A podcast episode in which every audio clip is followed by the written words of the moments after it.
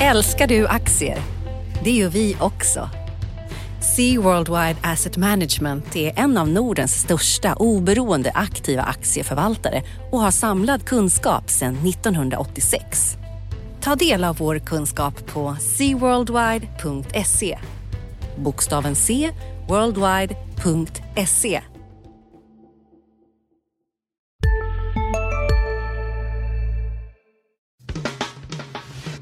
Analyspodden från Dagens Industri.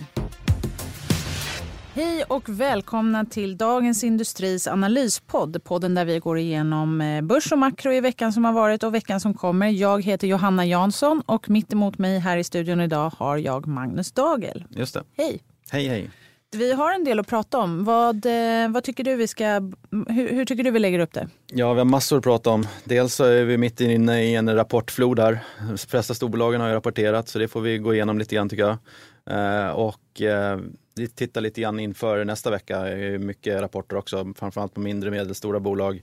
Och vi har ju också ett intressant Riksbanksbesked. Just det, mitten av februari mm. kommer Riksbanken. Ja. Samma dag så kommer inflationsförväntningarna i Sverige då. Mm. Och jag också letat lite grann efter inflationen, var den finns någonstans och jag har faktiskt hittat det. Ja, Bra, då får vi hänga i så ska Stefan Ingves få ett tips här på slutet. Då. Ja, just det. Ja. Men om vi börjar med veckan som, som har varit. Vad, eh, den här vad ska man säga, rapportfloden är ändå på sluttampen lite. Men är det, vad tycker du sticker ut här i Ja, det jag tycker sticker ut det är generellt bra rapporter får man väl säga ändå om man ska säga något övergripande. Eh, överlag så Eh, är ju vinsterna bra, eh, boksluten. De flesta bolagen höjer utdelningarna precis som förra året. Det är en signal att, eh, att ledningen och styrelsen ser bra på framtiden framöver tycker jag. En del bolag höjer också utsikterna, men en del höjer sina finansiella mål som idag då. Och det går generellt bra. Jag tycker de flesta branscher är starka. Bygg, bygg och fastighet sticker ut tycker jag. Ja just det, det ska vi prata lite mer om sen. Men ändå så är det lite spretigt i förväntningarna. Vår kollega Micke Wilenius skrev ju här om att förväntningarna, analytikerförväntningarna på bolagen de, de spretar lite. Just det, ja, jag ja. såg det. Men det kanske är en bra signal det, att analytikerna inte är så eh, samstämmiga helt enkelt. Ja, han hade tittat på det. Kan, kan du berätta mer om det? Är det det att det är är det början på året eller vad kan det vara för någonting? Som... Ja, dels tog jag med upp de här bolagen som är eh, ganska stora, eh, alltså spretigt förväntningar, förväntningsbilden. Eh, och just dem så, så, är det ju stora skillnader mellan vad analytikerna tror om framtiden och vinstprognoserna. Då. Men så egentligen det. är det en bra signal för börsen. Alltså när det spretar så har börsen generellt sett gått upp. När analytikerna är mer samstämmiga då är risken kanske större för negativa överraskningar. Ja, så kan man nog se det faktiskt. Ja. När, det är, när det är olika förväntningar då, då kan bolagen förmodligen överraska positivt. Ja, för det, finns, det saknas ju inte orosmoment eh, egentligen. Och är man makroekonom som jag är då sitter man och oroar sig konstant just ja, nu för ni politiken. Ni oroar er för allting. Ja, vi oroar oss för allt. Men så är det, man är negativ på räntemarknaden och positiv på börsen så brukar det, så brukar det. vara. Men bankerna har, eh, sista banken ut i veckan var ju Handelsbanken att rapportera. Vad kan, man, har, kan man säga någonting för att sammanfatta bankrapporterna? Ja, men det är bra bankrapporter generellt. Tycker jag. Eh, Handelsbanken stack väl ut lite grann att den var lite sämre än väntat. Då. Det. det. var den som stack ut. Eh. Och vad, var det, vad var det sämsta? Var det kreditförlusterna? Ja, kreditförlusterna var lite högre än väntat och man höjde inte utdelningen heller lika mycket som man hade förväntat sig. Den mm. blev 5 kronor per aktie. Då. Så det är en direktavkastning på runt 3,8 procent. Så det är lite lägre än väntat. Då, va? Handelsbanken har ju tidigare år haft extra utdelningar också men det slopar man i år då för att bygga upp kapitaliseringen då istället. Så det var en liten besvikelse. Mm. Men det är den försiktiga banken också? Mm. Eller hur ska man... ja, det får man väl säga det att ja. det är. Men...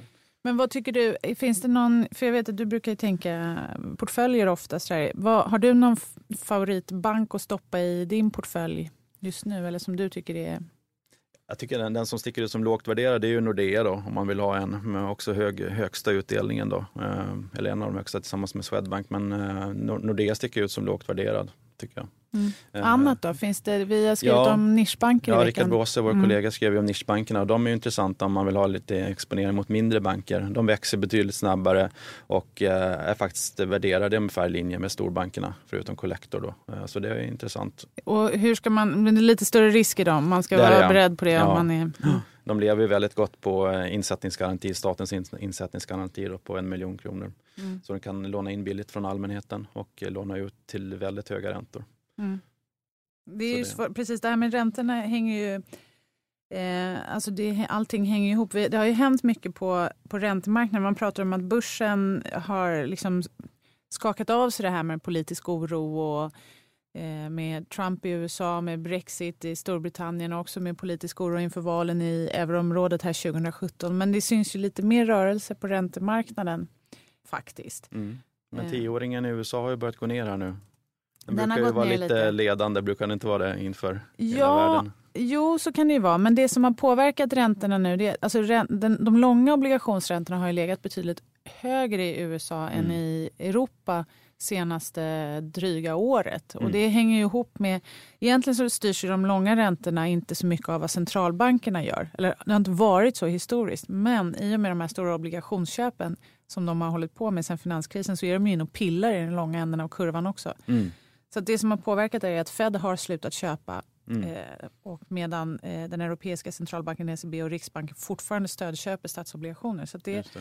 det, påverkar de här skillnaderna. Men sen är det också de här flödena. Det, det, det driver mycket av eh, eh, alltså att centralbankerna har pumpat in stora pengar men också flöden mellan länder. Mm. Man ser till exempel att en statistik som kom här i veckan i, ehm, på onsdagen den 8 februari eller om det var torsdagen 9 februari så kom det statistik från Japan som visade hur japanska investerare hade agerat i slutet eller runt årsskiftet.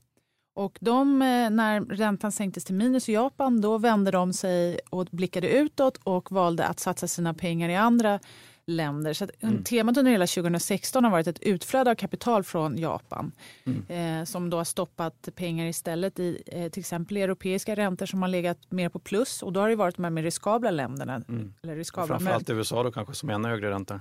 USA också har fått eh, en del japanska, ett, en del intresse från Japan men också Frankrike, Italien, Spanien och sen det man såg då i slutet av 2016 det var att inför de här valen 2017 i euroområdet, ja, men då blir man kanske lite nervös som internationell investerare. Man kan inte hålla koll på vad som skrivs i franska dagstidningar eller italienska dagstidningar. Så, här. så att japanerna lämnade den marknaden och stoppade in de pengarna istället i Tyskland. Mm. Så man får ju inte speciellt ja. mycket ränta heller där. Nej, men det är, liksom, det är lite som, eh, det blir en försäkring. Alltså, väntar man sig att det ska bli stökigt i Europa och inte hinner hålla koll på det, eller kan hålla koll på det när man sitter på andra sidan jorden, ja, men då är det bättre att och ta förlusten, eller vad man ska säga. Alltså ta den dåliga räntan i Tyskland istället. Mm. Eh, eftersom Tyskland är mer finansiellt säkert och mm. också mer tillväxtmässigt säkert. Men man kan lägga till att, där eh, också att eh, Henrik Mittelman, skrev en, vår kollega, skrev en väldigt det. intressant artikel om det att eh, realräntorna är negativa stort sett över hela Europa. Mm. Eh, så man får alltså ett, ens sparkapital äts sakta men säkert upp då. Ja, men och det beror ju på hur riskbenägen, jag tänker det här med hur riskbenägen marknaden är, det, det påverkar ju också hur börsen går kontra räntorna. Så är man beredd att, man vill hellre liksom stoppa in pengar till negativ ränta än att riskera att förlora pengarna om det stökar till sig i Europa. För det är ju så att de här valen som då kommer, Frankrikes presidentval april-maj och sen så har vi val i Holland här 15 mars och sen val i Tyskland 24 september. Det, det kan bli lite stökigt. Mm. Orkar man inte hålla järnkoll på det så ska man ju inte vara inne på de Nej. marknaderna. Men men det är också så att det är lite stökigt i USA med Trump och, och så vidare. Så att, ja, nej, men det påverkar. Men, eh, och därmed då även en, en amerikansk tioåring gick ner lite. Men det är faktiskt amerikanerna som har nettoköpt sina egna statsobligationer. Jaha, okej. Okay. Ja, men det är intressant att, eh, att, att räntan är betydligt högre i USA där, där räntebildningen inte är manipulerad av centralbankerna längre alltså, på samma sätt. Nej, inte på samma sätt. Men Fed ligger fortfarande kvar med en jättestor obligationsportfölj mm. som är nästan 20 procent. Alltså 20 procent. De äger 20 procent av stocken. Mm. Så att eh, de här tillgångsköpen som, och det är lite intressant det här med att minusräntorna får supermycket, alltså Riksbankens minusränta får supermycket eh, uppmärksamhet. Nu här den firar två år i dagarna. Mm. Men det gör även tillgångsköpen och de kommer ju leva med oss mycket längre än vad minusräntan gör. Om minusräntan mm. ger problem kan de faktiskt bara höja den. Och det skrev du en intressant artikel om i veckan. Ja, eller det, ja, precis. Det mest intressanta med den var, det var att vi fick komma in i Riksbankens handlarrum. Det var, ja. det var liksom hela... Och där var det helt tyst. Där var det helt tyst. De tryckte inga pengar där. Ja, de tryckte inga pengar där. De tryckte på knappar som ger pengar. För det är liksom mer elektronik än, än papperstryck här. Så du så såg inga sedelpressar där? Inga sedelpressar, men en massa kurvor och eh, räntehandlare som, som jobbade febrilt med att skapa pengar, skapa i, det pengar i det tysta. Precis. Eh, men det, några som påverkas av det här på Sista dagarna nu på vårens stora season sale. Passa på att göra sommarfint hemma, både inne och ute. och fynda till fantastiska priser. Måndagen den 6 maj avslutar vi med Kvällsöppet i 21. Välkommen till Mio. Hej, Synoptik här. Visste du att solens UV-strålar kan vara skadliga och åldra dina ögon i förtid? Kom in till oss så hjälper vi dig att hitta rätt solglasögon som skyddar dina ögon. Välkommen till Synoptik.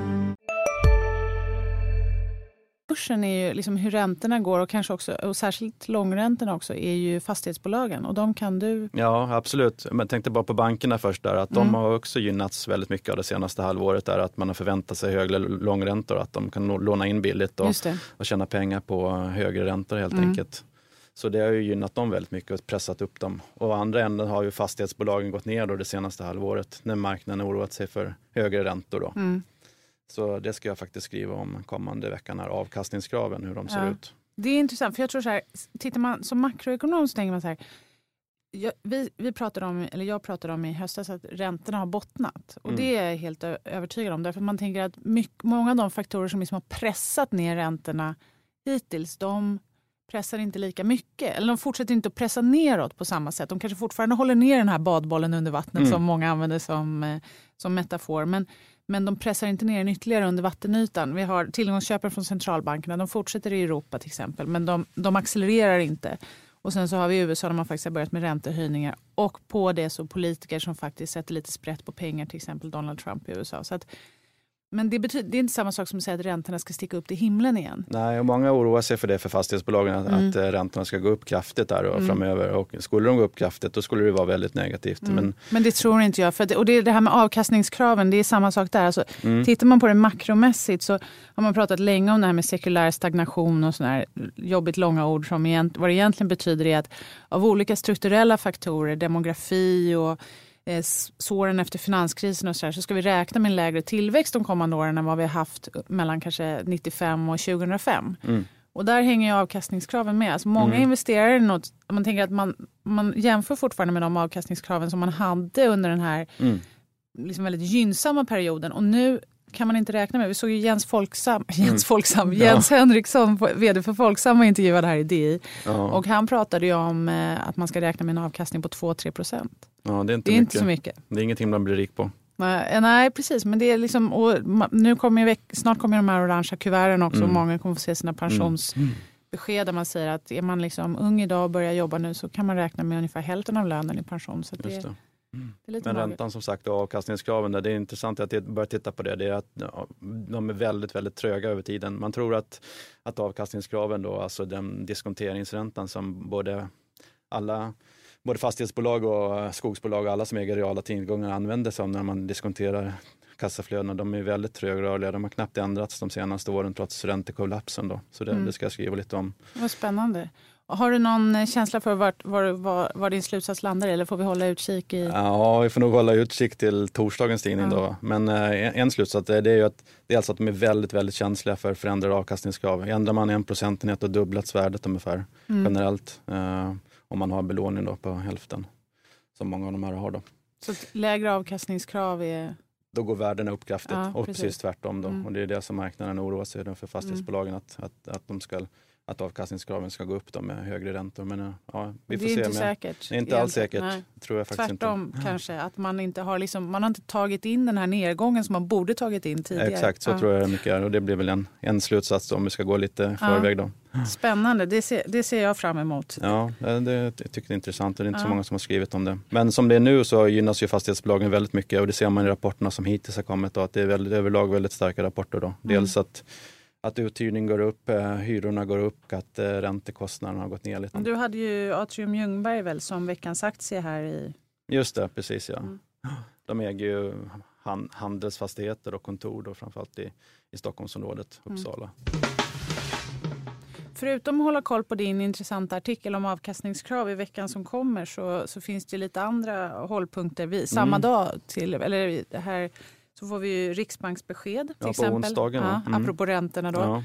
Kommer de höja räntorna nu eller? Nej, alltså, ja, någon gång ska de ju göra det. Men inte, det blir i alla fall inte... Det är högkonjunktur i Sverige så att kommer, kommer de höja räntan nu? Ja, 15 februari kommer beskedet och nej, det blir ingen sån eh, alla hjärtans dag present från Stefan Ingves till svenskarna. Utan, men däremot så kan de mycket väl börja liksom väldigt försiktig. Om jag, hade, om jag hade bestämt så hade jag tänkt så här att man vill liksom visa att man inte är sänkningstagen längre på samma sätt. Alltså de har tidigare haft en indikation i sin räntebana för att de ska kunna sänka under året. Samtidigt som de säger att de är beredda att köpa kron, eller sälja kronor för att försvaga värdet på kronan. Och de har sagt att de kan göra annat. Man skulle vilja plocka bort någon av de här faktorerna. Så det som marknaden kommer att hålla koll på på torsdag det är liksom hur de skruvar på det. Antingen tar de bort en viss sannolikhet för ytterligare räntesänkning eller så är det också så att de måste förlänga mandatet för Stefan Ingves och Kerstin af Jokknik att eh, ensamma besluta om valutainterventioner och det går ut nu. Så man skulle kunna tweaka det där. Men på något sätt ett lite, en väldigt mjuk förändring mot att visa att man faktiskt ser att svensk ekonomi går bra. Men och, och de man, kommer sluta man, köpa? Nej, de kommer fortsätta köpa statsobligationer. Det har de sagt till mitten av 2017. Eh, Men börjar, måste, inte, börjar inte de ta slut nu, statsobligationerna? Eller? Ja, det är ju så. Vi har en ganska liten statsskuld i Sverige så att eh, de, de kommer vara en väldigt stor ägare relativt sett. De kommer äga nästan 40 procent av den utestående Oj. stocken mm. nominellt. Så det, och det är väldigt mycket. Men det är ingenting de... Det, och det kommer de ju ligga kvar med så det kommer ju påverka oss länge det här. Men jag tror att man kan tänka så här med centralbankerna, de är ju stora supertankers. Liksom. De vänder inte, vänd, de, man vänder dem inte snabbt. Det är inga sport, eh, liksom, det är inga snabba sportbåtar det här. Utan det, mm. det tar längre tid än så att vända. Så de börjar, de börjar gira lite nu men, men det tar tid innan de vänder. Mm. Och eh, sen så kommer jag titta också på, Janet Yellen håller sitt halvårsvisa tal inför kongressen i veckan. Det blir också mm. intressant. Sen har vi ju svensk inflation också. Det kommer Stefan dag, ja. Engves titta mm. på också. Ja. Precis. Mm. Vad tror du om den då? Kommer den komma upp nu eller? Ja, alltså nu är det, det som driver inflationen mycket nu det är energipriser och det är egentligen någonting som centralbankerna ska se, se igenom lite. Men det som är extra intressant också i den här siffran är att det är januariinflation och då väger man om den här svenska KPI-korgen så det, den är lite klurig att göra prognoser för. Så den kan slå både åt det ena och det andra hållet. Ovanligt klurig inflationssiffra. Mm. Men du vet var inflationen finns? Ja, jag vet var inflationen finns. Jag har hittat den faktiskt. Eh, jag hittade ett intressant index här som inte de flesta kollar på och definitivt inte Riksbanken. Jag skrev om det i början av veckan. Här. Det heter Klevi. Cost of Living Extremely Well Index. Just det. Ja. Vad, man får vad man får betala för gåslever och rysk kaviar ja, och sånt där. Det är ja. alltså ett index över de mest eh, dyraste och exklusivaste produkterna i hela världen. Eh, som 40 stycken produkter som affärstidningen Forbes i Amerika har satt samman. Då. Och det här indexet eh, ökar faktiskt mycket mer än den underliggande inflationen i Amerika. Det har faktiskt ökat varje år sedan de började med det på 80-talet. Mm. 2 i snitt. Ja, vi får se. Men, och det är någonting, de här tillgångsköpen, de driver ju på tillgångspriserna överlag så det kanske är korrelerat med Klevi. Ja, det intressanta där är att de mest förmögna som kanske använder de här produkterna och köper dem, de har fått sina förmögenheter mång, mångdubblade, avsevärt högre än Klevi-index har ökat. Då. Så de har ju verkligen råd med de stoppar in pengarna någon annanstans också. De köper inte bara rysk kaviar kanske då? Nej. Fastigheter? Fastigheter och säkert. aktier mm. kanske. Ja, mm. säkert. Ja, spännande. Och sen har vi några eftersläntrare på rapportfronten ja, också. Det är två stora trender. Dels kommer mycket fastighetsrapporter sista mm. och dels så mycket detaljhandelsfokus tycker jag nästa vecka också. Mm. Och sen, och, uh, Björn Borg. Ja, Eh, Fenix Outdoor, Bilia Mekonomen kommer ja. också. Sen kommer det lite andra storbolag, eller halvstora som Lifco, Nibe, SSAB. Är det någon du kommer hålla extra mycket koll på? Saab tycker jag är intressant på måndag. Se mm. vad de kommer flagga för. De har ju flaggat för att marginalerna ska upp ordentligt nu 2017 så det blir intressant att se. Jag tycker ju Evolution Gaming på torsdag är också intressant. Det skrev jag veckans aktie om för en månad sedan drygt. Mm. Vad, vad satte du då? Eh, köp. Mm. Ja, tycker ja, det är intressant. Ja, växer som tusan. Så det är mycket, mycket blandat. Är den fortfarande köpvärd på dagens kurs? Ja, det tycker jag nog om man mm. är lite långsiktiga. De mm. växer otroligt mycket, har en väldigt stark position i, i Europa på, mm. på spelmarknaden. Då. Så är det något spelbolag man vill ha så tycker jag det är väldigt bra. Mm. Spännande. Bra tips inför veckan som kommer som börjar med måndagen den 13 helt enkelt. Just det, mm. tur att det inte var fredag den 13. Ja, jag känner det är precis. Men det är måndagen den 13 kanske kan bli en bra vecka. Mm. Ja, vi säger så. Mm. Tack så vi stanna där. Tack så mycket. Analyspodden från Dagens Industri. Podden redigerades av Umami Produktion. Ansvarig utgivare Lotta Edling.